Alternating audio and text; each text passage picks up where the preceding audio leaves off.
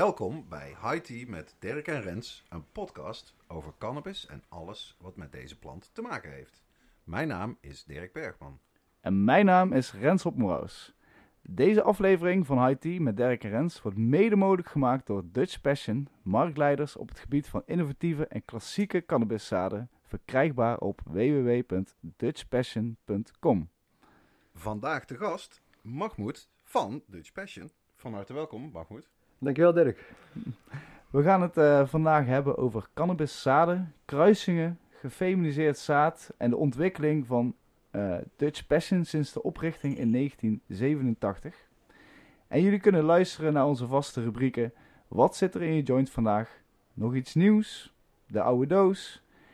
eh, reacties van luisteraars en wijze woorden. En we hebben ook weer een nieuwe prijsvraag waarmee je fijne prijzen kunt winnen. Dit is High Tea met Dirk en Rens, aflevering 21. Yes, we, gaan weer, eh, we zijn weer van start De zon schijnt. in het VOC Headquarters samen met eh Mahmoud. Leuk dat je aan wil schuiven. Ja, leuk dat ik er mag zijn. Zeker weten. Kijk, we, we, hebben, eh, eh, we zijn een, eh, sinds, sinds de vorige aflevering zijn wij eh, de, de gelukkige dat wij eh, support hebben gekregen van een aantal eh, groene bedrijven. Waaronder eh, Dutch Passion. En eh, vandaar dat we ook heel graag even Dutch Passion eh, een klein beetje willen uitlichten en daar daar meer over willen vertellen. Omdat het toch, ja, toch wel een van de ja, grondleggers zijn van de Nederlandse cannabisindustrie.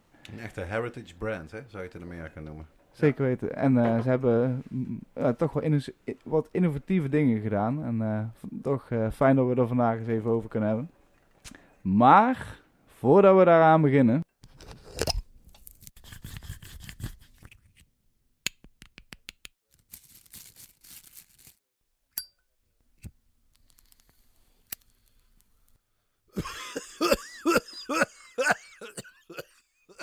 Wat zit er in jouw joint vandaag? beginnen we met onze eerste rubriek, vaste rubriek. Wat zit er in je joint vandaag? En eh Mahmoud, eh, wat ben jij eh, vandaag aan het roken? Eh, nou, op dit moment eh, nog even niks. Want ik, eh, vroeger stond ik mee op en ging ik ermee naar bed. Maar tegenwoordig heb ik een vrij druk leven met twee kleintjes en een drukke baan. En ik wil ook nog wat bij sport en dergelijke. Dus ik rook eigenlijk alleen nog s s'avonds. Maar wat ik op het moment rook is Mokum's Tulip. Dat is een, een van onze eigen soorten. is een, een kruising gelato met sherbet. Met een hele mooie, een beetje creamy, zoetige smaak. Ik denk dat ook de gelato bijvoorbeeld, eh, een, van een van de moederplanten, eh, daar, eh, dat die naam goed gevonden is. Omdat dat echt wel een beetje weergeeft hoe de, hoe de plant smaakt. Er zitten een paar mooie fenotypes tussen met een beetje ehm, kleine paarse tonen erin. En ja, toch wel een complex uh, terpeneprofiel. En, en ook wel gewoon een, ja, een goede high. Dus goed voor het slapen, vlak voor het slapen gaan om, om te roken. Dus eh, ja, daar kijk ik eh, elke avond weer naar uit om, hem, eh, om die op te steken. Dat is... eh, Lekkere tulp. Ja, precies ja. Een, een Amsterdamse een tulpje. in ieder geval. dat zeker. Ja. Dirk, wat zit er in jouw joint vandaag? Ja, dat weet ik eh, dus niet. Want eh, ik ben een, een sample aan het roken van de High Life Cup. Ik weet wel dat het in de bio-weed categorie is. De, het is de B11. En ik heb dit jaar voor het eerst ook alle samples gefotografeerd van de, van de High Life Cup. En deze zag er niet alleen echt schitterend uit, zeg maar, als je hem inzoomde en eh, mooi scherp stelde. Maar ik vind het ook een van de lekkerdere eh, samples, zeker in die, eh, in die bio-weed categorie. Dus ik ben heel benieuwd wat die B11 wat het is. Dat weten we dus pas even uit mijn hoofd, 10 juli. Want dan wordt de, de resultaten van de High Life Cup worden dan bekendgemaakt. En dan weet ik dus van welke koffieshop dat is en welk soortje het is, deze B11. Nou, Weet jij wel wat je aan het roken bent, Rens? Of? ik, eh, ik weet zeker wat ik aan het eh, roken ben en wat ik aan het roken ga zijn. Ik, eh, ik ben gisteren nog even langs eh, Maastricht gereden. Hmm. Langs eh, club, Coffeeshop Club 69. En eh, daar heb ik een heerlijke Skittles gehaald. ja, af en toe moet je jezelf tracteren. En ik ben, ja, ik ben niet een type die heel vaak alleen maar of, echt Amerikaanse wiet rookt. Hippe soortjes. Maar de Skittles heeft voor mij gewoon wel een, eh, klein plekje gevonden. Dus daarom dat ik gewoon af en toe mezelf eh trakteer met een lekkere Skittles. eh. Ja, Dus, het is wel echt een eh, super populaire strain volgens mij in Amerika nog steeds. ik denk dat we daar gewoon Ja. ook een keer iets dieper over moeten ingaan. Want het heeft wel... American Genetics. Ja, het is wel een bijzondere... Nou ja, ik denk dat we dadelijk, als we gaan praten over Dutch Passion en wat ze door de jaren heen hebben gedaan, dan komt het automatisch eigenlijk wel naar boven. Maar ja, nou, ik ga hem ieder geval eh, zo aansteken. Ik zeg, eh, we gaan eh, naar het nieuws.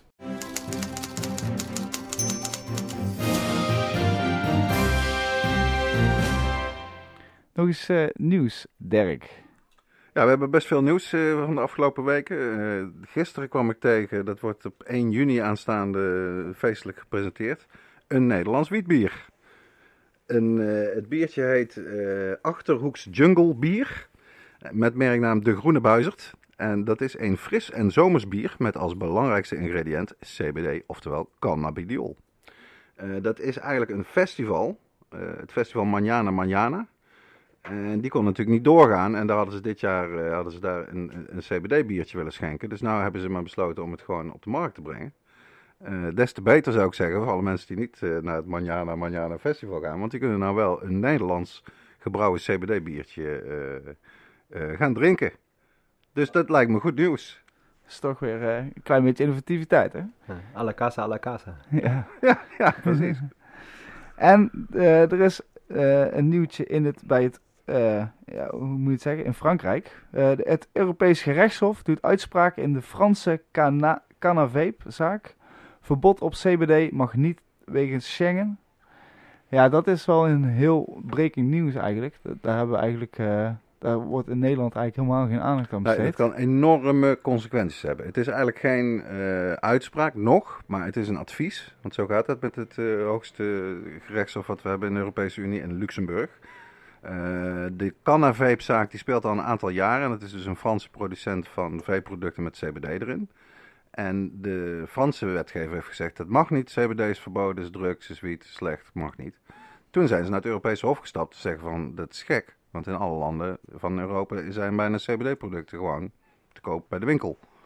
En het advies wat nu gegeven is, eh, is zeer positief van de, even kijken hoor. The highest European court has for the first time expressed a legal position on the commercialization of cannabidiol-based products in Europe. As its Advocate General said, EU member states cannot ban the import of this ingredient. Want dat is, en, is dus gewoon de Schengen-wetgeving. Eh, er is vrij verkeer van personen en goederen nog steeds, in ieder geval van goederen. Eh, ook tijdens de coronacrisis. Dus met eh, de CBD mag. En ik heb het eventjes nagezocht. De uitspraak, de uiteindelijke uitspraak, die dus heel vaak wordt, wordt dit soort adviezen wordt gewoon gevolgd hè, door, door, door het Hof. Die wordt verwacht in september 2020. Dus dat is niet heel erg lang meer, maar de vlag kan wat dat betreft nog niet helemaal uit van oh nu is CBD legaal voor heel Europa. Maar het ziet er wel naar uit dat als die uitspraak gaat komen in september, dat we die vlag wel uit kunnen steken. En eh, ook dat lijkt mij eh, goed nieuws. Toch? Ja, nou, ik vraag me af of dat het alleen met vapen dan eh, legaal is. Of dat dan ook echt heel CBD, dus ook de bloem. Ik Maar- heb sterk het idee dat ze ook eh, leunen op het advies wat er eerder is geweest, waar, waar staat dat, dat CBD zeg maar helemaal geen eh, psychoactieve effecten heeft en 100% eh, goed is voor de gezondheid, zeg maar. Geen risico's heeft. En dus ik denk dat het zeker voor meerdere producten gaat. Alleen de, de bloem, dat is inderdaad interessant wat je zegt. In, in Duitsland heb ik dat zelf in Düsseldorf onder andere gezien. Gewoon bij een avondwinkel kan je gewoon wiet kopen. Berlin Kush volgens mij. Eh, en dat is dus CBD-wiet. En dat vraag ik me af, dat eh, heb ik niet in heel veel andere landen, behalve Oostenrijk, Zwitserland en dus Duitsland gezien. Italië. Italië natuurlijk ook, ja. Eh, maar of dat door heel Europa dan eh, mogelijk gaat worden, en dus ook in Nederland. Eh, misschien is dat ook leuk voor de lu- luisteraars die meeluisteren. Ken jij een winkel in Nederland, behalve een koffieshop, die gewoon wiet verkoopt? Namelijk CBD-wiet. Want die zijn wij nog niet tegengekomen. nee, nee. En dat lijkt me nog gewoon, dat lijkt me een hele grote stap voorwaarts naar de normalisering, ook hier in Nederland. Sowieso. Ja. Stel je voor, mensen kunnen inderdaad CBD-bloemen gewoon kopen bij een normale winkel. En, eh, en je wordt er niet stoned van. Dus mensen kunnen toch een, op een vrij voorzichtige manier in aanraking komen met cannabis. En ook Ja, misschien ook door middel van olietjes. Dat, het is wel zo, de olietjes heeft voor heel veel mensen wel een, eh, een omslag gemaakt op hoe ze naar cannabis kijken. In ieder geval, in ieder geval hoe, bij, bij mijn ouders bijvoorbeeld. Wat zeg je dat schattengrens, de olietjes? Ja, nou ja, dat, zo is het wel. Maar het is, Ja. eh, het is, het is een, ik, vind, ik vind het een heel mooi bericht. Ik hoop dat het ook in Nederland eh, effect kan eh, hebben. Zoiets. Absoluut. dit, dit mag zeker doorgetrokken naar Nederland. Even kijken. N- het nieuwe initiatief van het VOC, het Nationaal Cannabis Debat. Ja, dat zat eigenlijk al veel langer in de pijplijn, kan ik zeggen, bij het VOC. Wij zijn natuurlijk als stichting ooit ontstaan eh, naar aanleiding van het eerste cannabistribunaal in Nieuwsport in Den Haag in eh, december 2008. Daarna hebben we nog twee keer zo'nzelfde soort evenement georganiseerd in Den Haag. eh, in Dudok, Café Dudok, pal tegenover het Tweede Kamergebouw. En de naam zegt dat tribunaal. Dat was eigenlijk, eh, ja, we probeerden de politici daar toch aan te spreken op wat maken jullie dom beleid? Waarom reguleren jullie het niet wat beter in plaats van het steeds meer te criminaliseren? Eh, die waren best succesvol, kan ik zeggen, die tribunalen. Eh, veel politici van naam en faam hebben daar. Fred Teven. ja, Fred Teven onder andere, maar ook Jesse Klaver, Boris van der Ham, meerdere CDA-drugswoordvoerders uit de Tweede Kamer. Goede deskundigen ook niet te vergeten, want eh, die tribunalen gingen niet alleen om de politie, maar ook om mensen die echt vanuit ervaring of wetenschappelijke deskundigheid een goed eh, debat kunnen voeren over cannabis. Dus eh August de Loor, Nicole Maalstee, echt betelligen. We hebben daar Bernard Bruining. Echt een hoop interessante mensen gehad over de jaren. Ben Dronkers ook bij de eerste twee cannabis-tribunalen. Het idee nou is eigenlijk veel meer... We willen niet de beschuldigende vinger wijzen naar die politici. Maar we willen vooral eh, ook aan die politici laten zien en laten horen wat er veranderd is eh, buiten Nederland als het om cannabis gaat. En we willen dat in het slotdebat, wat we wel weer eigenlijk vergelijkbaar als met het cannabistribunaal gaan doen met het nationale cannabisdebat. Het slotdebat is met de Tweede Kamerleden die namens hun partij kunnen uitleggen aan de kiezers wat zij willen met cannabis. Vinden zij dat thuisdeel moet kunnen? Moet het ongelimiteerd, vijf planten, alleen voor patiënten? Wat vinden ze daarvan? Vinden ze meer, minder coffeeshops? Eh, hoe denken ze over hennep? Hè? Als een eh, duurzame grondstof, als een bodemverbeteraar. Al die dingen eh, die gaan we ze voorleggen. En dat gaan we doen in vier à vijf weken, denk ik, voor de Tweede Kamerverkiezingen. Die zijn 17 maart volgend jaar. Dat lijkt nog heel ver weg, maar je ziet bij de partijen ook dat de campagne eigenlijk al begonnen is daarvoor. En de ervaring leert ook wel dat juist in zo'n campagnetijd, dan is het wat makkelijker eigenlijk om die Tweede Kamerleden ook naar zo'n evenement toe te krijgen. En we gaan het weer in Den Haag doen, eh, vlakbij hun werkplek. En bij het Cannabistribunaal heeft drie keer Frans Wijsglas, oud Tweede Kamervoorzitter en eh, VVD-kanon, het slotdebat voorgezeten, zeg maar, als debatleider. Eh, we moeten nu nog even kijken of we dat weer met hem willen gaan doen of met een nieuwe moderator. Want dat is natuurlijk erg belangrijk, dat degene die dat doet, dat hij scherp is en de goede vragen kan stellen aan de Kamerleden over het onderwerp. Dus dat gaat eraan komen, maar dat duurt nog even. Eh, op de VOC-website kan je zelf, als je een vraag hebt die je vindt dat gesteld moet worden, of een suggestie voor een gast, bijvoorbeeld voor een deskundige, of eh, als je mee wil helpen met de organisatie van het Nationale Cannabisdebat, kan je dat daar op een makkelijke manier eh, je input geven. En dat gaat dus het, eh, ja, het vroege voorjaar van eh, 2021 worden in Den Haag. Oké, dus ja, iedereen eh, zijn vragen ins- insturen. En eh houden we je op de hoogte ervan. Horeca per 1 juni open. Sportscholen, sauna's en casino's, eh, casino's per 1 juli. Maar coffeeshops pas op 1 september. Ja, dat is wel een nieuwtje inderdaad waar we het toch even over willen hebben. We vonden het een beetje flauw, een beetje jammer. Zeg koffieshopje pest, hè? Eh, aan de andere kant vind ik, moet ik er wel bij zeggen natuurlijk, de koffieshop is maar één avond gesloten geweest. En eh, de kroegen zijn nog steeds dicht, al vanaf eh, begin maart ongeveer. Dus ik snap wel dat hun wat meer prioriteit hebben. Dat ze eindelijk open kunnen, zodat ze ook weer een brood kunnen verdienen. Alleen je ziet wel, kijk, in een koffieshop kun je ook makkelijk anderhalve meter uit elkaar gaan zitten. Je kan ook zeggen van nou, nou er passen er maar vijf of zes in. Maar dan, kunnen, dan is in ieder geval weer die sociale functie ook van de koffieshop eh, weer terug. En dat is iets wat ik ook wel, eh, wel belangrijk vind. Maar Er wordt wel gelobbyd, hè, heb ik het idee. ik heb wel van betrouwbare bronnen gehoord, inderdaad, dat ze ermee bezig zijn. En dat ze, eh, dat ze denken dat ook de koffieshops weer op 1 juli open mogen. Nou ja, dus tegelijk met de casino's, de sauna's, Ja. de sportkantines, de sportscholen. Zou ik eh, ik- ook niks anders dan normaal eh, Ja. vinden eigenlijk. Maar, Nou ja, eh, het is in die zin een aardige test. Eh, is de coffeeshop lobby eh, eh, zat. effectief of niet? Gaat Ja. dit lukken? Je kan zeggen dat het natuurlijk met dat besluit waar je, waar je al zei, hè, dat ze zo snel weer zei, oh, toch maar de coffeeshops weer open.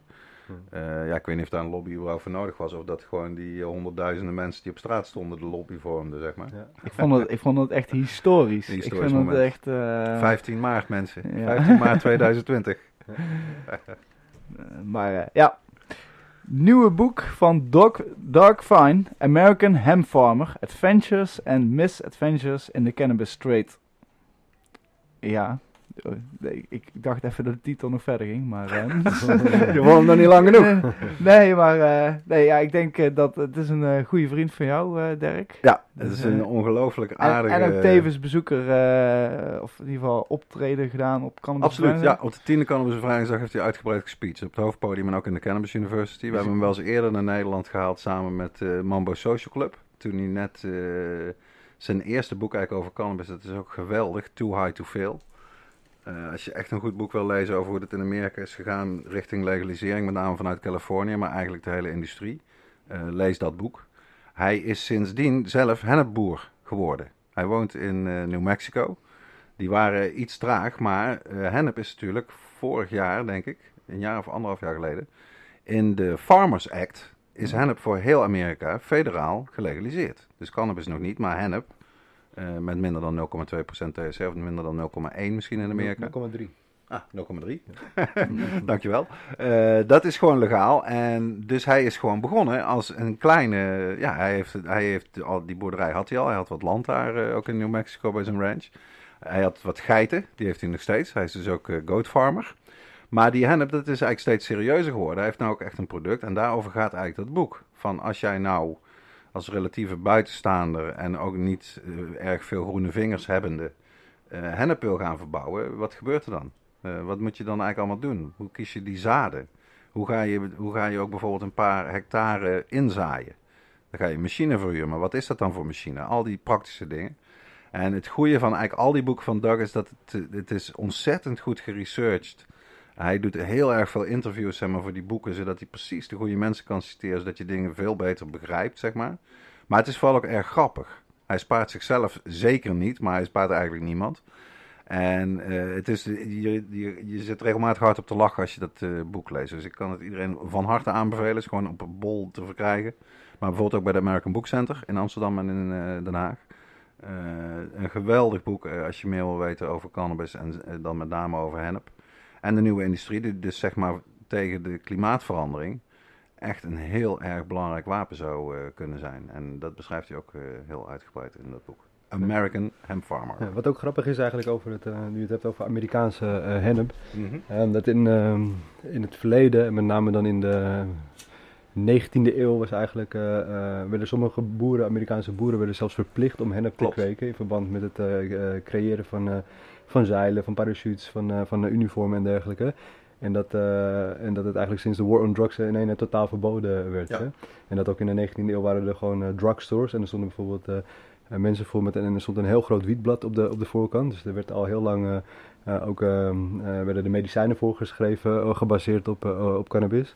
En sinds Amerika die, eh, die stomme war on drugs is begonnen, is het eigenlijk helemaal eh, de andere kant op Klopt. gegaan. Dus Ja, de- dat is in de jaren, vanaf de jaren 30 zeg maar, van de vorige eeuw is het helemaal Ja. misgegaan. Ja, en ze hebben dus echt een hele rijke geschiedenis eh, wat betreft eh, cannabis en, en hennep. eh, dus het is nu een soort van eh, tweede opleving eh, gelukkig. Ja, nou ja, George Washington zelf, hè? Ja. Die eh, was famously eh hennepboer, de eerste president van Amerika. Ja. Dus, Nee, absoluut. Dat, eh, dat heeft diepe wortels. Ja. om, eh, We zullen het boek, zeggen. we zullen het boek linken in ieder geval eh, onderin onze beschrijving. En koop Zeker. zeker voor meer informatie. en we gaan ook zeker proberen om Doug naar Nederland te krijgen als we Growlands in de jaarbeurs in Utrecht organiseren volgend jaar. Ja, zeker weten. Daar gaan we zeker. Geweldige spreker ook namelijk.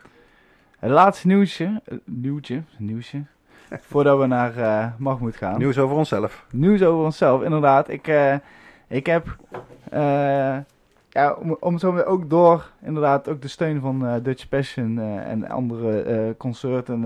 en ook door, ja, wij dachten van, we moeten de High Tea podcast weer toch een stukje prof- professionaliseren.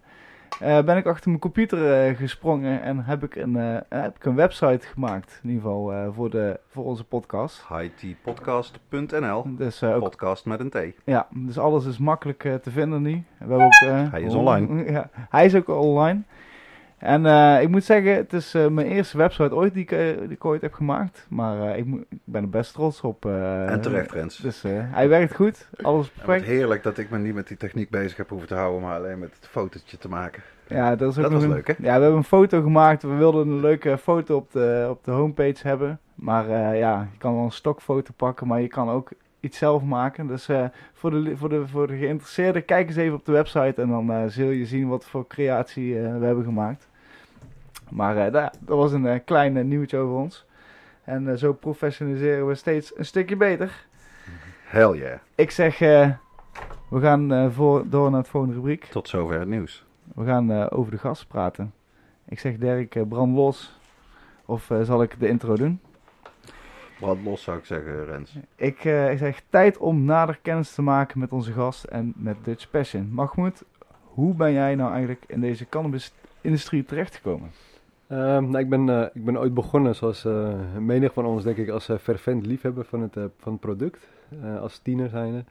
Ehm, dat vond ik toch wel een hele, andere, hele interessante plant. Dus ik ben uiteindelijk, eh, na wat jaren eh, gerookt hebben, ben ik, eh, ben ik gaan kijken of ik dat niet zelf ook eh, kon creëren. Eh, dus ik ben wat zelf gaan kweken. Ik had wat, eh, wat vrienden van mij die het, eh, die het al deden. Dus hen om, om, advies gevraagd en ze hebben me geholpen met het een en ander. En zo ben ik er eigenlijk een beetje ingerold.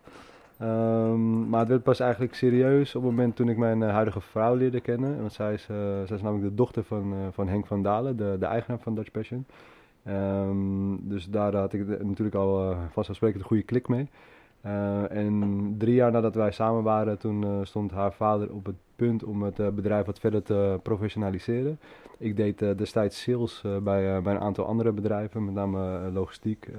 dus ik had wel een redelijke commerciële functie. En eh, Ehm, nou, wat ik zeg, hij wilde zijn bedrijf wat meer professionaliseren. Dus hij vroeg zich af of ik niet dat trucje wat ik deed niet voor hem kon doen. Ehm, dus ik ben op kantoor gekomen en ehm, toen hebben we gesproken over de mogelijkheden. Eh, destijds nog met de huidige manager, of met de, met de manager van destijds. En nou, we hebben de mogelijkheden besproken en toen leek het me eigenlijk heel leuk om dat eh, te gaan doen. Dus ik kon eigenlijk van mijn, van mijn hobby me, echt mijn werk maken. Dat is dus zo- mooi, hè? dat is, ja, dat is- het mooiste wat er Ja. is inderdaad. Want dan ben je eigenlijk geen dag aan het werk. Of altijd aan het werk, het is maar natuurlijk. ja, ja. Maar, zo- maar zo ben ik er eigenlijk een beetje ingerold en dat doe ik tot op de dag van vandaag nog steeds met heel veel plezier. Dat is mooi. Ja. Want laten we even helemaal teruggaan naar het begin. Ik zelf heb eh, Henk van Dalen leren kennen in het kader van Cannabis Bevrijdingsdag, waar hij ook een aantal jaren eh, hoofdsponsor is geweest. Een hele fijne samenwerking, moet ik zeggen. Ja. Leuke gesprekken ook altijd, zeg maar, in de aanloop eh, over het programma, over wat we gingen doen, over hoe Dutch Passion het kon steunen. Eh, heel fijn.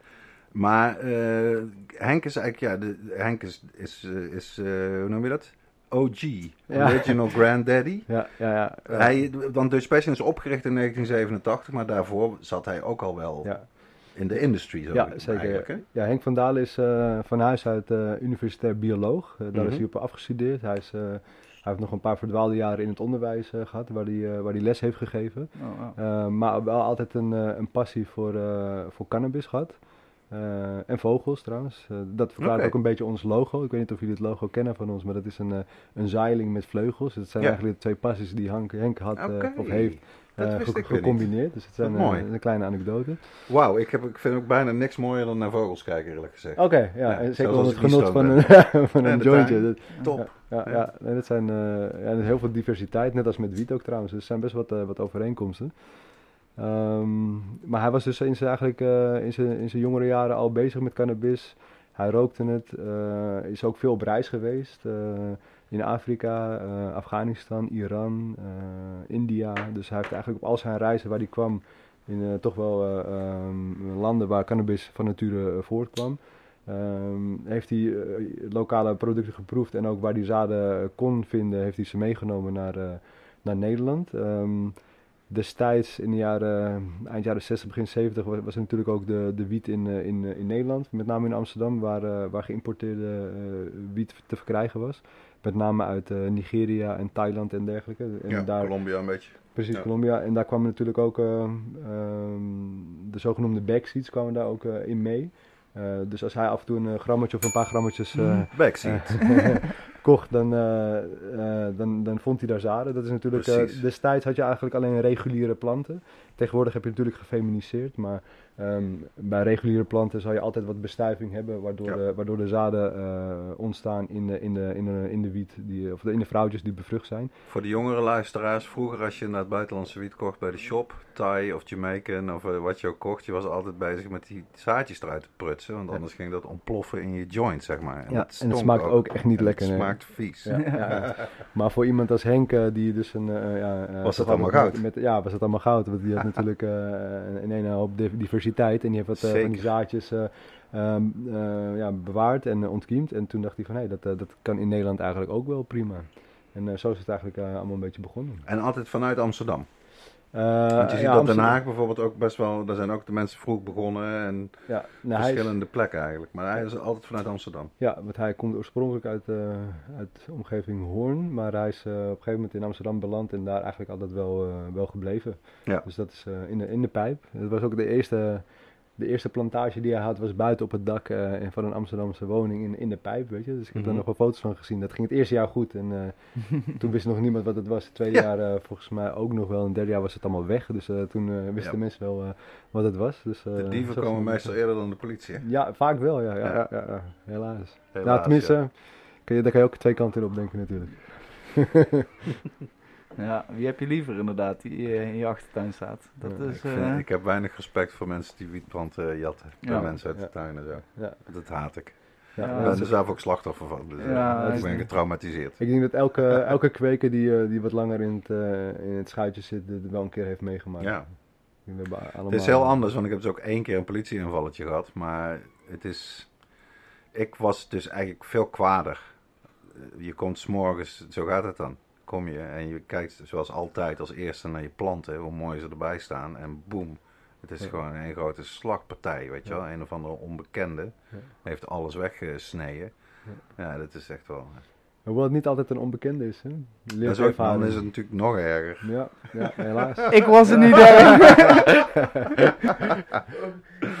Maar eh, oké, laten we hebben over de, de eerste soort grote soorten, zou je kunnen zeggen. De, de, de soorten waar Dutch Passion mee opviel. En dan hebben we het eigenlijk over eh, ja, m- m- 87, 88 denk ik, hè, rond Ja. die periode. Ja. Toen, toen Dutch Passion net was opgericht. Ja. Eh, Durban Poison, Hollands Hope. Ja, Skunk. Oké. Ehm, Durban Poison, Freezing Juice later gekomen. Maar ik denk dat eh Hollands Hope eh, en Amstel Gold, dat was eh, een van de eerste soorten die Oké, we hadden. maar een de- goede naam, ja. Ja, en, Mazar toen ook al? Ja, even over die naam. De, op een gegeven moment Mhm. kreeg Henk een brief van, eh, van een advocaat van een bepaald biermerk. En die, die was er toch niet zo van gecharmeerd dat, dat die naam eh, gebruikt werd. Dus, eh, dus dat is uiteindelijk eh, Passion number one geworden. Oh, Ah, oké. Ja, ja, ja, Ja, zo zie je hoe die verhalen lopen van namen. Dat, dat is is ook mooi, ja. interessant. Even kijken, ja, toen waren het natuurlijk alleen maar, eh, zoals iedereen ze had, reguliere zaden. Ik heb het idee dat, dat het eigenlijk jarenlang in de zadenbusiness, in die periode, was het eh, de heilige graal. Klopt. Als iemand zou kunnen ontdekken hoe je toch zaden zo zou kunnen maken dat ze gewoon altijd vrouwtjes gaven. En niet Ja. zoals normaal de helft mannetjes en de helft vrouwtjes. Ja. Ja, de cannabisplant is inderdaad een, eh, een eenslachtige plant. Wat betekent dat je gewoon één geslachtsorgaan op een plant hebt. Ehm, dus je hebt mannetjes nodig en vrouwtjes nodig voor een bevruchting. Ehm, zoals de meeste mensen weten, alleen de vrouwtjes geven de bloemen. eh, die we allemaal oproken. Ehm, en die zijn zaadloos mits de plant niet bevrucht wordt. De plant kan bevrucht worden door middel van een, een mannetje in de buurt die het stuifmeel loslaat. En eh, zodra het stuifmeel op de, op de, de pistils of de stampers van, de, eh, van het vrouwtje komen, dan zal er bevruchting plaatsvinden en ontstaat er uiteindelijk zaad. Ehm, dus in het verleden, toen mensen regulier zaad eh, opkweekten, eh, waren mensen toch altijd tijd kwijt en ruimte kwijt en, eh, en, en voedingsmiddelen kwijt aan, aan, aan planten die ze uiteindelijk toch weggooiden, omdat het uiteindelijk op de, om de vrouwtjes ging en de, en de mannetjes werden weggegooid. Ehm, dus wat je zegt, er waren een aantal mensen al bezig met het vinden van de heilige graal, van hoe zouden we nou enkel vrouwtjes eh, ehm, voort kunnen brengen. Eh, dat kan je natuurlijk doen door te klonen. Je kan een moederplant in leven houden en daar eh, stekken van Ja, snijden. Dat gebeurde toen, toen ook al voordat die truc was ontdekt. Ja, dat, dat, wa- dat was eigenlijk destijds de enige manier om dat eh, te bewerkstelligen. Alleen niet iedereen had daar altijd eh, de, de kennis over of de, of, of de ruimte voor. En dan moet je, die planten moet je natuurlijk ook onderhouden en dergelijke. Nou ja, en dan krijg je op een gegeven moment toch ook potentieverlies als je zeg maar meerdere generaties door gaat stekken. Ja, ja, er zit wel een levensduur aan een, eh, aan een moederplant. Ja, Ja. ja. zeker.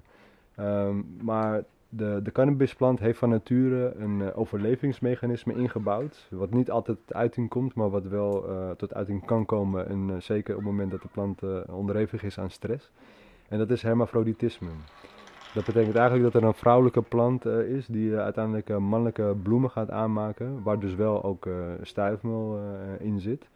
Uh, en dat, is, dat wordt eigenlijk in de natuur gebruikt om, uh, om vrouwtjes in de, in de buurt of eventueel de plant zichzelf te bevruchten om toch maar zaden te maken om de, de volgende generatie uh, veilig te stellen. Het is echt Wat gewoon is de, het een de, de noodoplossing. Dus de noodoplossing, ja. ja Wat een wonderbaarlijke Ja, plant dat is. is Stel je voor dat mensen dat Ja. konden doen. Ja, ja, precies. Dat ja. als je maar helemaal geen relatie steeds kan krijgen, dat je dan zelf maar een baarmoeder eh, Ja. ontwikkelt. Dat je het zelf dan maar doet. Ah, Ja, ja. Nee, planten zijn wat dat betreft sowieso heel, heel, heel vernuftig en eh, mooi om te zien. Er zijn absoluut. zoveel verscheidenheid en ze kunnen allemaal eh, hele mooie dingen eigenlijk, waar we soms een beetje aan voorbij gaan.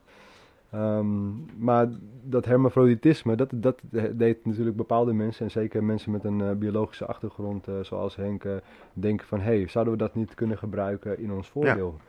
Ehm, dus zijn theorie was destijds, als ik nou, een, als ik nou vrouwtjes opkweek en ik laat die staan langer dan gebruikelijk, eh, toen het- hij, hij was er eigenlijk achter gekomen dat op het moment dat hij ze langer liet staan, dat er soms banaantjes eh, zouden gaan vormen. Omdat die plant, die wordt maar niet bevrucht, die wordt maar niet bevrucht. Dus ik denk uiteindelijk, Banaantjes. banaantjes, ja. Zijn geen echte Bana- bananen, denk ik. Nee, banaantjes zijn inderdaad de, de, de mannelijke bloemen. Die, eh, die, die, die hebben een beetje de vorm van banaantjes. Dus eh, daarom wordt het vaak, eh, eh, wordt het vaak gerefereerd aan, eh, of daar, wordt daaraan gerefereerd als banaantjes.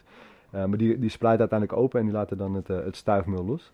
Oh. Ehm, maar hij zag uiteindelijk dus dat er, eh, als, hij, als hij zijn planten langer liet staan dan het ideale oogstmoment, want de meeste planten hebben een ideaal oogstmoment, dat banaantjes zich vormden en dat er dus ook stuifmeel uitkwam. Ehm, en wat hij dan deed, is dat stuifmeel collecteren. En ehm, zijn theorie was, was nu dat als hij vrouwtjes zou, voor, voor bevruchting zou opkweken en die dan zou bevruchten met het stuifmeel wat hij had gecollecteerd, ehm, dat dan de planten zaad zouden gaan vormen en dat dan in theorie eh, alle offspring of de nakomelingen van die plant, dat die dan vrouwelijk zouden moeten zijn, omdat eh, de vrouwelijke planten geven alleen XX-chromosomen door. Eh, de mannelijke normaal gesproken XY, maar omdat nu de vader, oftewel een hermafrodiet vrouwtje, eh, alleen maar vrouwelijke geen heeft, dus ook alleen maar XX kan doorgeven, dus krijg je dus een X van de er geen moeder. ei. Dan is er geen ei. Een X van de moeder en een X van de eh, omgekeerde vrouw, dus de vader. Dan krijg je nakomelingen met ook XX. Dat was de theorie. Dus hij heeft die, eh, hij heeft die planten bevrucht en hij heeft daar zaad van getrokken. Die heeft hij uiteindelijk opgekweekt. En wat bleek? Ze waren allemaal vrouwelijk. Dus de theorie was bewezen. Maar om nu elke keer planten zomaar, ehm, wat is het, 12, 14, 15, 20 weken te laten staan om maar die banaantjes te creëren. eh, dat, is natuurlijk eigenlijk geen doen, of in ieder geval een hele tijdrovende klus. Dus hij dacht er moet een manier zijn om dat, eh, om dat effect te triggeren in die plant. Om toch eh stuifmeel te, kunnen, te kunnen krijgen. En ook was natuurlijk, het waren maar een paar banaantjes, dus de hoeveelheid stuifmeel was ook altijd beperkt. Dus het was natuurlijk wel een, een, een mooi gegeven als je dat, als je dat kon, kon triggeren in een plant. En er waren een aantal mensen mee bezig met dat idee. Eh, alleen Henk is degene die, eh, die dat als eerst voor elkaar heeft gekregen. En dat heeft hij door voor elkaar gekregen door het eh, gebruik van een bepaald hormoon, dus zilvernitraat. Ehm, als je dat nou op je planten spreekt in, laten we zeggen, week, tussen week 2 en 4 gemiddeld, dan, dan zal je zien dat die, klant, of dat die plant eh, eh, eigenlijk getriggerd wordt om eh, hermafrodiet te Zo worden. heel vroeg eigenlijk al dus. Ja, vrij vroeg al. Ja. Je moet ze wel behandelen. En wat, wat we vaak En het deden- is spuiten op het blad, niet meegeven aan de voeding. Nee, nee, dat is echt eh, de plant zelf behandelen. Ja. Oké. Ja, Het is echt eh, Ja. magie bijna. Ja, dat is eh, fascinerend. hè? Hoe dat kan. Ja, en het is ook grappig, want sommige mensen denken dus dat gefeminiseerd, gefeminiseerd zaad, dat het bijvoorbeeld een GMO-product is of dat het gemanipuleerd is of wat dan ook. Maar ehm, de, de, de vaderplanten, oftewel de, de hermafrodietenplanten, die worden eigenlijk met een hormoon behandeld alleen om het stuifmeel te, te kunnen triggeren, of om de, de, de, de groei van banaantjes en dus uiteindelijk het stuifmeel te kunnen triggeren. En dat stuifmeel wordt gebruikt op andere gezonde planten. Dus de, de planten die uiteindelijk bevrucht worden, die hebben helemaal niks te maken met een, eh, met een, met een hormoon of wat dan ook. En de planten die gebruikt worden om, eh, eh, om vaders van te maken, die moet je er ook echt wel weggooien. Want die zijn wel behandeld met een, met een chemische stof. Dus die wil je ook absoluut niet consumeren. Dus die gooi je gewoon weg. Maar het stuifmeel daarvan, dat is prima om te gebruiken voor een, eh, om, om planten te bevruchten. En de zaden die eruit komen, die hebben daar helemaal geen last van. Dus het is, eh, het is gewoon een puur eh, natuurproduct. Het, is, het enige wat we doen is de plant helpen om hermafrodiet te worden. Ik kan me voorstellen dat toen Henk daarachter was gekomen, dat je dan patent gaat aanvragen op die methode. Ja.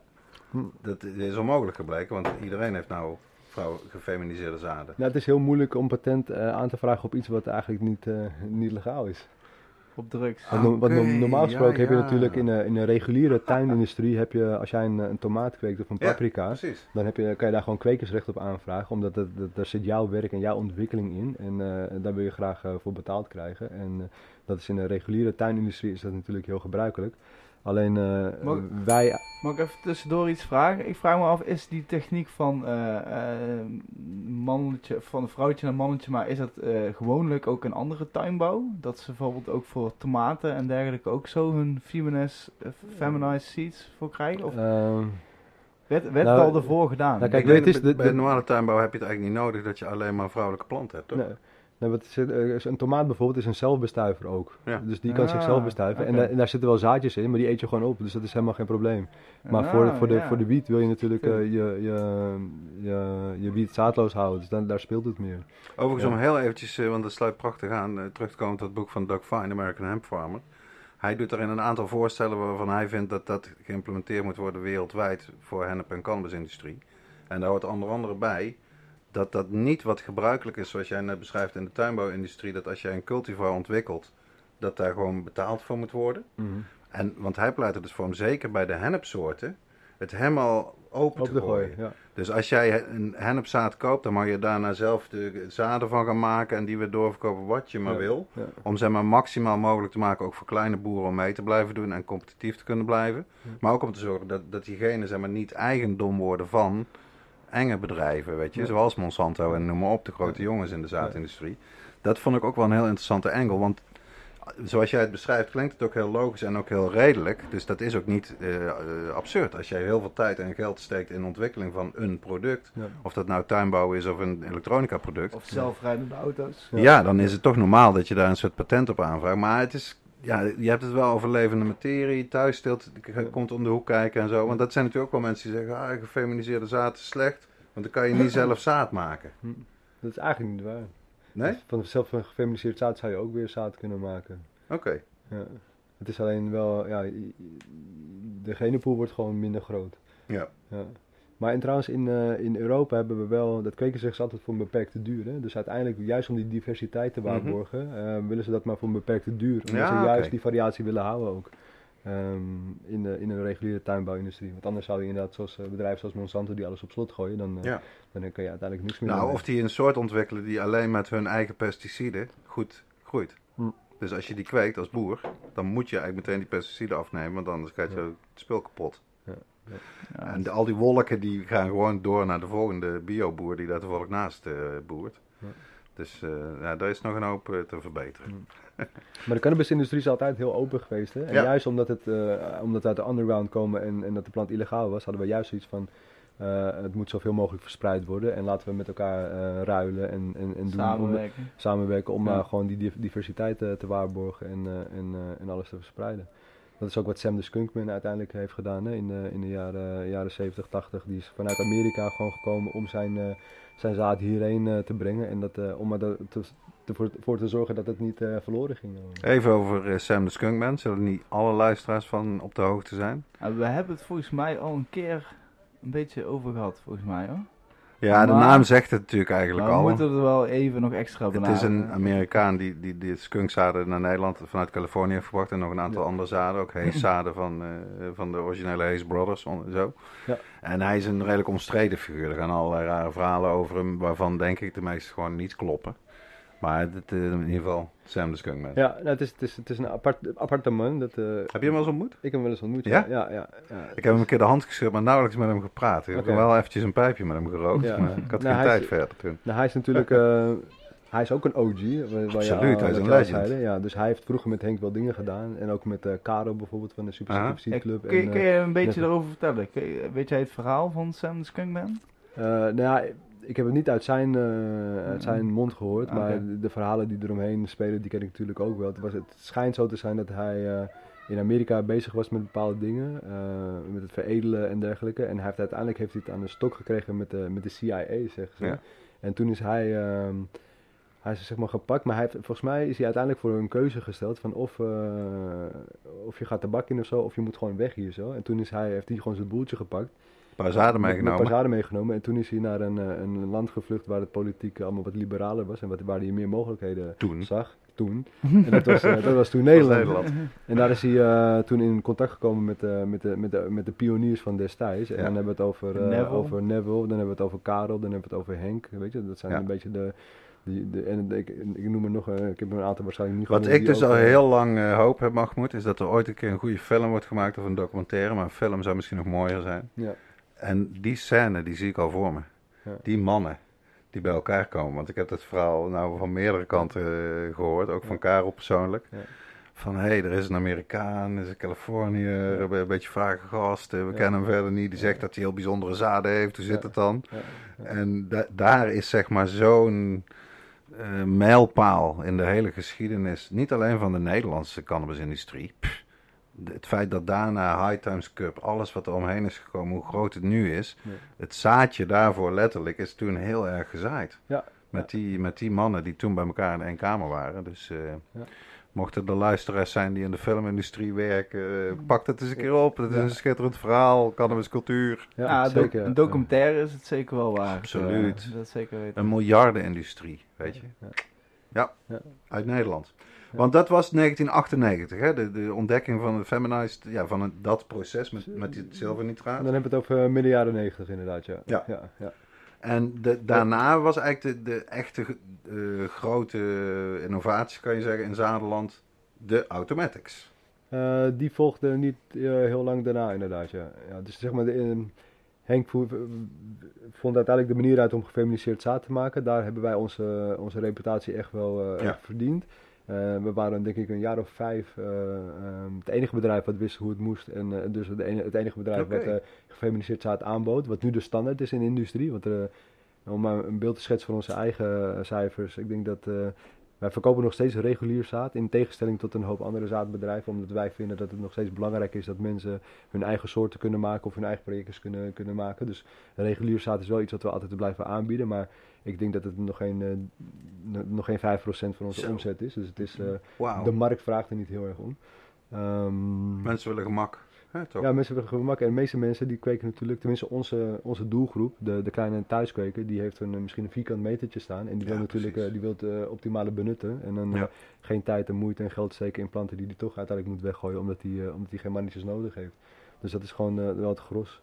En dan heb je natuurlijk de, de, de genetic nerds en de, de echte de, de, de cannabis eh, fanatici bijna. Ja. Ja, die, die doen eigenlijk alleen de regulier omdat ze ja, een, plant vanuit regulier zaad, dat is natuurlijk een sterkere moeder. Ook als je een, als je, een, eh, een moeder eh, wil, wil onderhouden.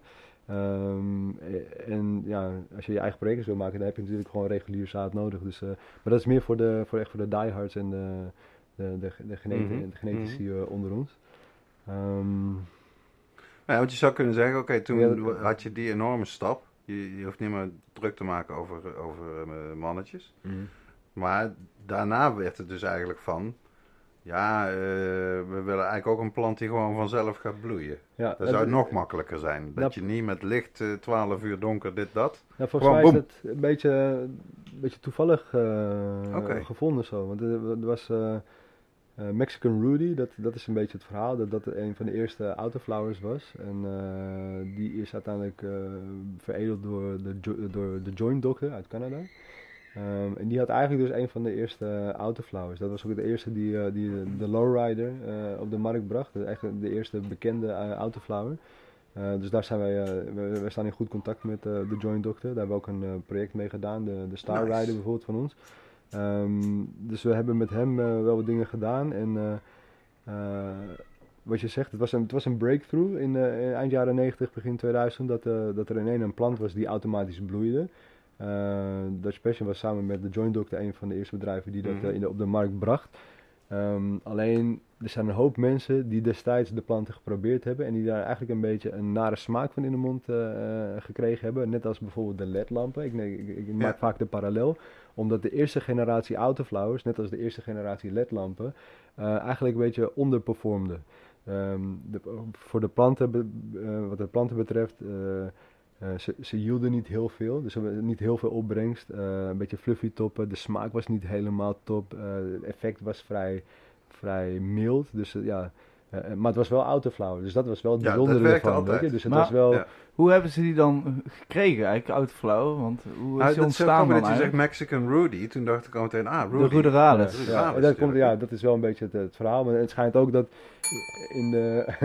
in Wat de, is Ruderalis? Ruderalis, ja. Ruderalis is eigenlijk weer een, een, een, subs, ja, een subcategorie van de cannabisplant. Want we maken eigenlijk altijd het onderscheid tussen cannabis eh, sativa en cannabis eh, indica. Eh, maar dan heb je ook nog eens cannabis ruderalis. En ruderalis zou dan staan voor het eh, automatisch eh, bloeiende effect van, van de plant. En, volgens mij is die genetica oorspronkelijk komt het echt uit Rusland, weer die Precies. streken. Ja, en ja. dat het gewoon wild groeiende plant Ja. die helemaal zijn eigen ontwikkeling heeft doorgemaakt. hè. Ja, wat de, de cannabisplant is een, een zeer adaptieve plant. Dus Ja. die, die kan binnen enkele generaties zich, zich helemaal aanpassen aan, aan een lokale omstandigheid. Eh, nou is het zo dat in het noorden van Rusland of het noorden van Scandinavië en dergelijke, dat je gewoon eh, hele korte zomers hebt met, eh, met heel veel licht. In de zomer gaat de zon, de zon daar bijvoorbeeld niet onder. Ehm, wat betekent dat als, je een, als je een zomer hebt van drie maanden en ook nog eens geen donkere periode, ja, dan, hoe, hoe breng je dan het, het bloeiproces op gang? Ja. Dus dat is eigenlijk. eh, succes, ja. ja. veel succes. Dus dat is eigenlijk gewoon in een paar generaties, denk ik, eigenlijk zo natuurlijk ontstaan. Oh, en, ehm, maar, maar dan was het, ze, ze brachten niet veel op en eh, eh, de smaak was niet goed en al dat. Dus er waren best wel wat, dingen die, eh, die te wensen overlieten. Ehm, dus die moesten wel ingekruist worden met, een, met, met eigenlijk normale, normale soorten om daar iets, iets moois van te maken. Ehm, dus als je dat met een fotoperiodische plant eh, eh, kruist, en fotoperiodisch betekent wel van licht afhankelijk, dus dat is een plant die we allemaal kennen die wel een donkere periode, periode nodig heeft om het bloeiproces op gang te brengen. Ehm, dan zal de eerste generatie zal niet autoflower zijn. Eh, als je die met elkaar kruist, dan krijg je op een gegeven moment 25% eh, van de nakomelingen die autoflower zijn. En daar moet je twee individuen van vinden die je met elkaar kruist. En dan kan je uiteindelijk naar 50 en naar 100. En, tenminste, op je zal nooit 100% krijgen, maar dan kom je eigenlijk best wel dicht bij een volledige generatie eh, eh, automatisch bloeiende planten. En dan heb je dus het beste van twee werelden. Dan heb je het Wel van... smaak en, en potentie en opbrengst, maar ook Ja, want, het autoflower gen is eh, recessief, dus als je dat niet elke keer inkruist, dan, dan zal dat verdwijnen. Maar je wil wel die, die smaak of die high of, dat, of, of, de, of die potentie van die fotoperiodische plant wil je erin inbrengen. Ja. Dus dat is een kwestie van, eh, van, van breeden en selecteren en dergelijke. Eh, en wat wil het feit? Een automatische plant, zoals, het al, zoals de naam het al zegt, die zal auto- altijd automatisch afbloeien en dus uiteindelijk sterven. Dus die kan je niet in leven houden, die kan je niet in een vegetatieve fase houden Nee. zoals je dat met een Nee. fotoperiodische plant kan doen.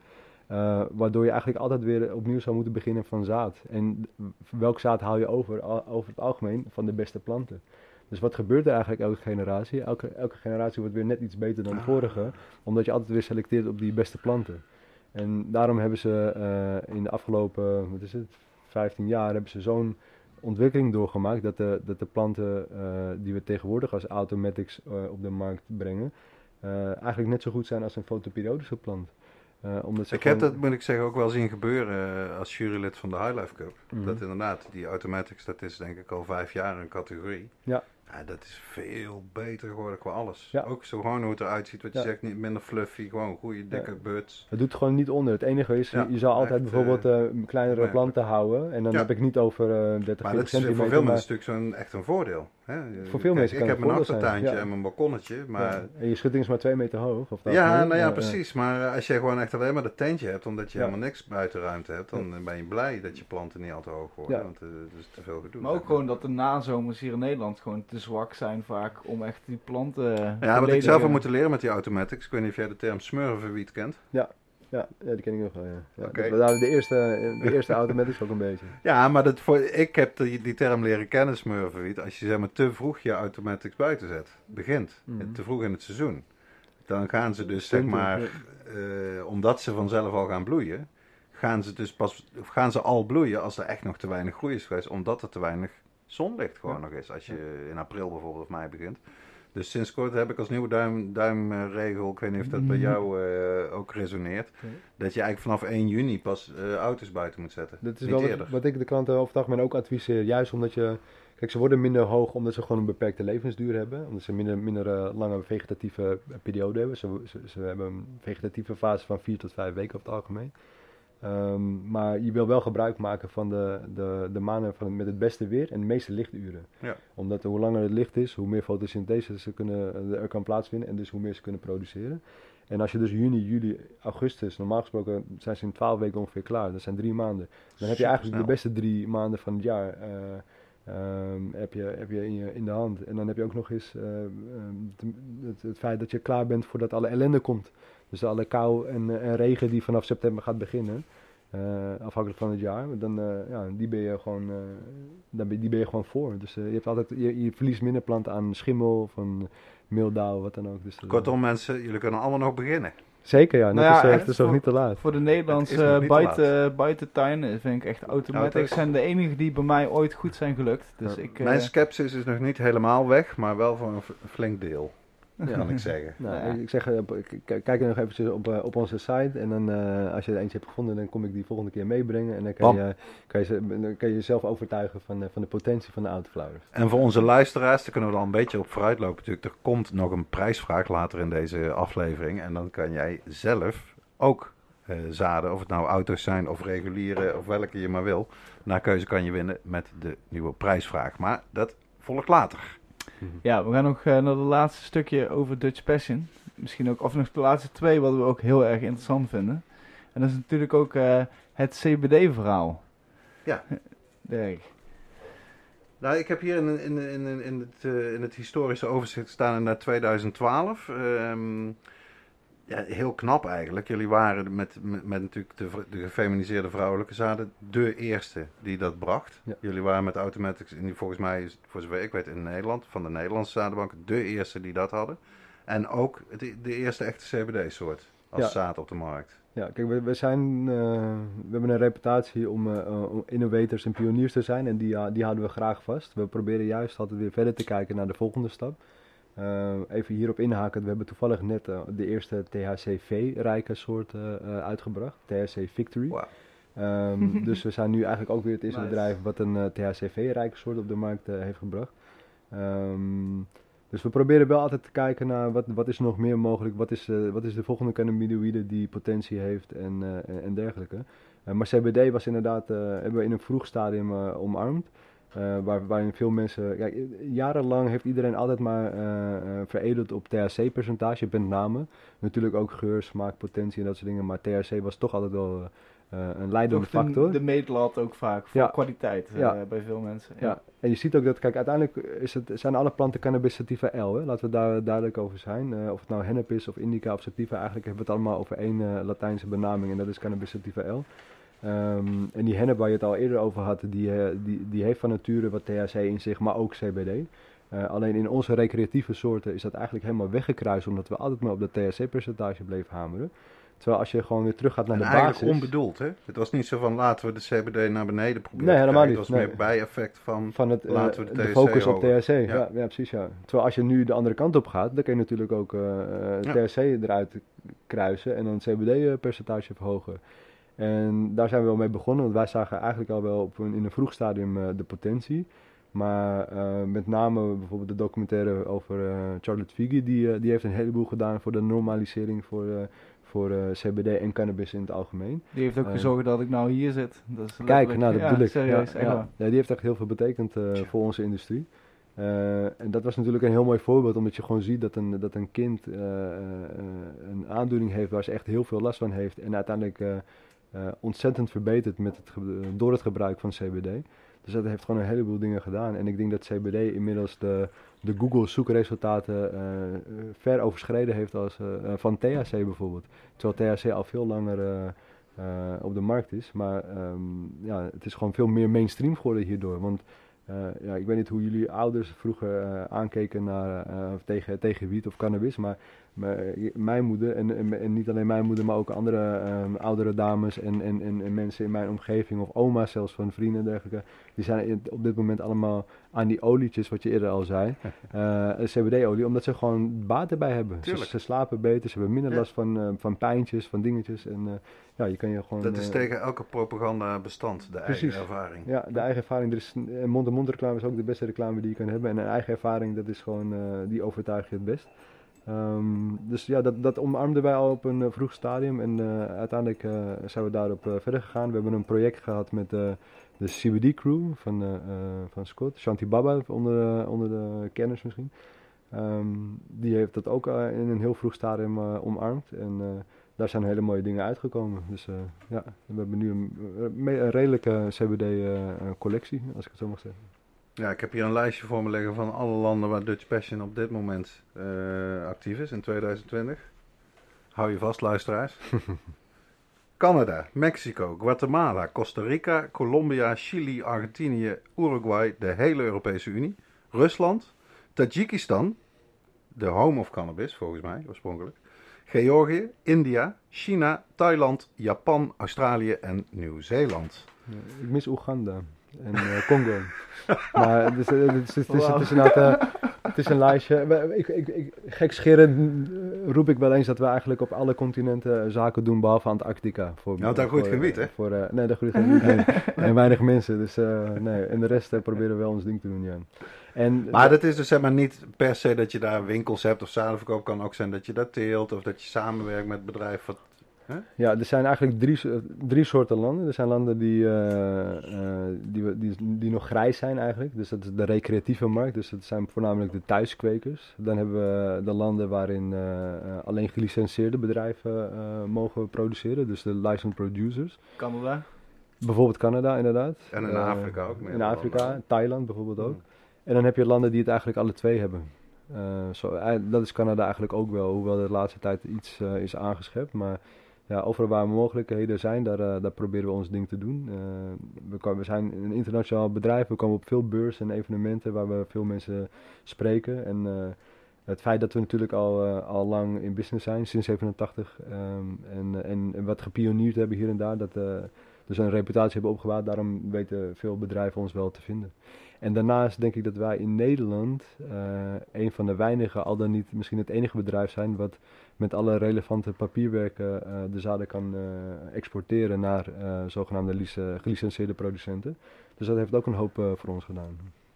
Ja, zeker de afgelopen jaren natuurlijk. Want die landen die echt gewoon overgaan op een Ja. legaal systeem. Ja. Ja. als je daarbij kan zijn. Ja, dat is gewoon fantastisch. Ja, Ja, dat is heel en het is ook natuurlijk. mooi dat Nederland daar ook weer toch een stukje representant, of representatief is. Ja. eh, daar, eh. Dat is toch weer die Nederlandse handelgeest die weer naar boven Ja, komt. Hè? ja, Nou, wat ik heel mooi vond, ik weet niet, in de, in de voorbereiding kwam ik daar tegen, of het een citaat is van, eh, van Henk van Dalen, of misschien dat Jouke het heeft eh, opgeschreven.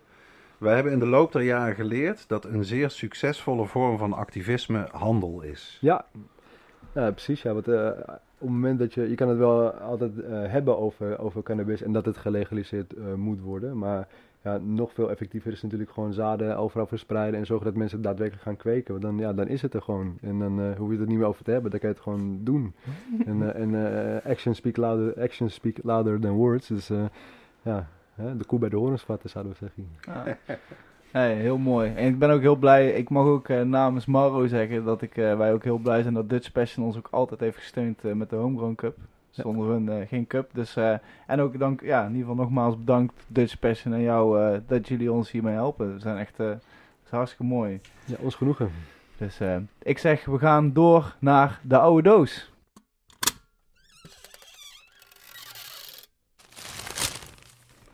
Eh, ik kwam iets tegen, dat was in het nieuws eigenlijk deze week bij de NOS, over de geschiedenis van popfestivals in Nederland. En een stukje wat daarbij hoorde is dat het gedoogbeleid in Nederland, eh, volgens degene die dat had gezegd, niet in 1976 is begonnen, maar in 1970. En dat is uitgezocht door de redactie van eh, Radio 1, eh Lammert de Bruin volgens mij. Grappig item, we zullen die link ook eh, plaatsen bij de, de- bij de aflevering. Zeker. Eh, een aantal mensen hebben ze gesproken, waaronder Berry Visser, die eh in Kralingen Popfestival in 1970 heeft georganiseerd. Maar wat ook ter sprake kwam, is dat drie jaar daarvoor, al in 1967, eh, eigenlijk nog de Summer of Love, zoals die internationaal later bekend is geworden, heeft er in de Rai in Amsterdam een, een groot popfestival. Dat is eigenlijk het eerste indoor popfestival van Nederland. Met de schitterende naam High in de Rai. En dan werd high, want zo ging dat vaak eh, in die tijd, gespeld als H-A-I. High. Dus je kan het lezen als eh hoi of hallo in de rij. Maar ik denk dat ongeveer alle 8000 bezoekers die er uiteindelijk op af zijn gekomen wel begrepen wat bedoeld werd met haai in de rij. En de mensen die daar zijn geweest, eh, ik heb hier voor me liggen een prachtige een printje van de originele poster. Nou, dat is echt zeker zo mooi als wat er destijds in San Francisco eh, werd gemaakt, zeg maar. Eh, daar werd openlijk gebloot en ook wel LSD gebruikt, maar met name gewoon gebloot. Hash natuurlijk zal het geweest zijn in die tijd. Zonder dat de politie eh, optrad. Helemaal niet. Dat is heel bekend dat dat in Kralingen is gebeurd in 1970. Maar je kan dus eigenlijk zeggen dat eh, drie jaar daarvoor Amsterdam toch helaas voor Rotterdam in dit geval de primeur had. Met de politie die zeg maar afgesproken werk niet ingrijpt bij eh, jonge mensen die plezier hebben en daar een jointje bij roken. Of een chillum destijds. Hè. Eh, High Rij. Ik heb nog even gezocht naar ehm, de line-up. Daar was ik heel benieuwd naar. Want ik kan me herinneren dat ergens in een enorme archief wat ik heb, moet een persbericht, een origineel persbericht zitten van High the Rij. En volgens mij stond er in ieder geval aangekondigd dat Jimi Hendrix daar zou optreden. En ik denk dat ik het daar ook wel eens met Weile Simon Vinkoog over heb gehad. Dus eh, dat is een, een research opdrachtje wat ik voor een andere oude doos eh, nog te goed hou. Volgens mij hebben daar ook echt waanzinnig goede en bekende popgroepen eh, uit die tijd ja, in 1967 opgetreden in Amsterdam. Voor een knetterstoned publiek. Ja, er is ook nog een eh, kleine eh, samenvatting van gemaakt. Uit 19, in ieder geval een kleine opname die ik had gevonden. Ja, op YouTube staat een leuk filmpje. Ja, die zullen we er ook onder plaatsen. Dan heb je helemaal een idee hoe, hoe dat eruit zag in ieder geval. Het was echt space. Ik heb hier nog een, een stukje staan in het Engels erover. Dat vond ik ook zo mooi. Every visitor gets a flower. And with wax crayon the participants draw texts and flowers on body parts. Beat bands appear on various stages. Visitors dance to the music, lie on the floor, meditate and symbolically carry the hatred in a coffin to the grave. At the end, a smoke bomb is ignited. Ja, mensen, dat heeft allemaal in Nederland plaatsgevonden. Kijk. We gaan door naar eh, reacties van luisteraars en de prijsvraag. Want eh, dankzij inderdaad onze nieuwe sponsor kunnen we voortaan meer en leukere en mooiere prijzen eh, weggeven. En daardoor eh, shit. doen we elke week, of elke aflevering, doen we een leuke prijsvraag. Dus hoe, laat, hoe luidt de vraag deze keer, Dirk? De nieuwe prijsvraag luidt als volgt. Met welke nu nog levende persoon zou je het liefst een jointje willen roken en waarom? Dus eh, inderdaad, stuur jouw mooie mooiste verhaal. Verder is er geen eh, grens aan. Mag Nee. het iedereen zijn, man, vrouw, oud, eh, buitenlands, Nederlands. Bereikbaar, onbereikbaar. Je mag alles bij elkaar fantaseren, maar ook even bijvertellen waarom je dat juist met die persoon en niet met iemand anders zou willen doen als je iedereen zou mogen kiezen. Maar het moet wel een levende persoon zijn. Daarom. En wat gaan wij eh, cadeau geven aan de leukste inzender voor deze prijsvraag? Volgens mij eh, heb jij hem eh Heb toevallig. ik daar liggen? Of, eh, Oh ja, nee. ja, ja, ja, want het is, het is, Ja. we moeten het wel erbij pakken, want het is echt een goed gevuld prijzenpakket. eh, Ja, deze we keer. kunnen het niet uit ons hoofd doen eh, deze keer. De winnaar van de prijsvraag, met wie zou jij het liefste een jointje willen roken en waarom, ontvangt één pakje Dutch Passion zaden Na, naar keuze. Dus check even de website welke soort jou het meest aanspreekt. En dan misschien zelfs een CBD-soort of die nieuwe eh, CBG, hè? THCV. THC, THCV. THC Victory. Ja. ja. Daar ben ik zelf wel best benieuwd naar. eh. Ik weet niet of dat ze al in zaden zijn. eh, Mhm. Die zijn beschikbaar. Oh, wauw. Ja, zeker. Nou, Een prachtige eh, snapback cap. Een flesje CBD-olie. Een Dutch Passion grinder. Zo'n mooie is dat. Eh, en ook erg mooi, want we hebben hier een doosje op kantoor eh, in de studio ook liggen. Eh 12 pakjes Dutch Passion vloei met tip. ja, dus voor de vervente blower kennen ze in ieder geval lekker tegenaan. Absoluut. Dus eh, in ieder geval met zo'n eh, leuk prijspakketje gaan we opsturen naar de mooiste, degene met het mooiste verhaal. Ja, dus Eh. reageer zo snel mogelijk met een mailtje naar ons nieuwe mailadres of in de comments. Maar uiterlijk 10 juni, hè? Ja. Dan kunnen we het meenemen in de Dan, volgende. eh, dan aflevering. behandelen we de volgende. En dan, Wat eh, is ons nieuwe mailadres, Rens? info at hightpodcast.nl in ieder geval. En, en ook op onze website kun je gewoon een contactformuliertje invullen voor de mensen die het allemaal iets te ingewikkeld vinden. Dan, eh, dan krijgen we hem zeker binnen. Dat kunnen we nou steeds zeggen. Kijk op onze website. Ja, fijn hè? vind ik Dat wel... eh, handig. Maar hebben jullie daar zelf trouwens over nagedacht? Eh, met, wie, met welke levende persoon jullie zelf een joint zouden willen roken? Eerlijk gezegd hadden we er zelf ook nog niet over nagedacht. Heel stom, maar ik vind het wel goed. Ja. We dachten wel, dat is een goede vraag, maar we wisten niet meteen eh, Zelf. eh. wat we er zelf op zouden antwoorden. Dirk, we gaan naar de laatste eh, rubriek. Wijze woorden. De wijze woorden die we ook vorige editie, vorige aflevering hebben, die helaas wegens tijdsgebrek niet kunnen behandelen. Dus vandaar een extra mooie, extra sappige. Ja, eigenlijk gewoon, nou sappig, meer die van vorige week is blijven liggen. Oh, je gaat hem toch... Ja, oké. oké. We hadden Die, Hash Special. Ja, hè? die, Luister die vooral terug als je hem nog niet hebt gehoord. Echt eh, fantastische verhalen van Karma over Hash. eh, Zeer informatief. heel informatief. Maar daarvoor had ik dus speciaal een, een Hash eh, gerelateerd citaat gekozen uit mijn rode citatenboekje. En wel van de Franse schilder, dichter en schrijver Théophile Gautier. Die leefde van 1811 tot 1872. En hij was lid van de fameuze Parijse Club des Hashiches. Waar we het in de Hash Special uitgebreid over gehad hebben. De Hashish Club. In een essay uit 1854 schrijft Gautier. Het is in het Nederlands vertaald. Ben me niet bang. Het wordt niet Frans. Hashish heeft niets van die verachtelijke zware dronkenschap die de volkeren van het noorden door wijn en sterke drank krijgen. Het schenkt een intellectuele intoxicatie. Kijk, En zo is het maar net. daar kan ik me wel in vinden. Dat eh, zijn mooie als woorden. eh, niet-drinker. Een intellectuele intoxicatie, mensen. Zeer mooi. We, we breiden er een eind aan. We draaien een eind aan deze mooie aflevering. Wil- skittles, mensen. Ja, dat Ja, is het zeker. Dat Zeker is het zeker. weten. Ik had het ook misschien weten. bij hash moeten houden eh, vanda- vandaag. Ik wil heel graag eh Mahmoud eh, bedanken voor je tijd hier en je uitleg over Dutch Passion. Heel graag En, gedaan. eh, Dirk, jij ook weer bedankt voor je tijd en moeite, voor de research en alles en eh, voor, de, voor de plek hier. En eh, inderdaad, ik wil nog een extra dankjewel geven aan onze sponsor van deze uitzending, Dutch Passion, marktleiders op het gebied van innovatieve en klassieke cannabiszaden. En kijk inderdaad even op hun website Dutch, dutch-passion.nl. Kom. En ook voor de- .com. Oh shit, shit, Mhm. shit. Daar ga ik al de mis in. Maar ook inderdaad voor die zaden die je zou graag willen winnen. Dan, eh, dan En stuur je antwoord in op de prijsvraag. Yes, inderdaad. In ieder geval, dankjewel allemaal en tot de volgende keer. Houdoe.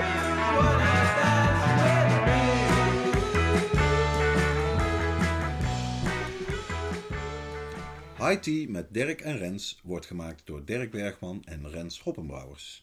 Onze tune is Marijuana van Moon. Beluister de muziek via iTunes en Spotify. Volg Tea op Instagram, at High Tea Podcast, met een T. Ons mailadres is highteapodcast at gmail.com.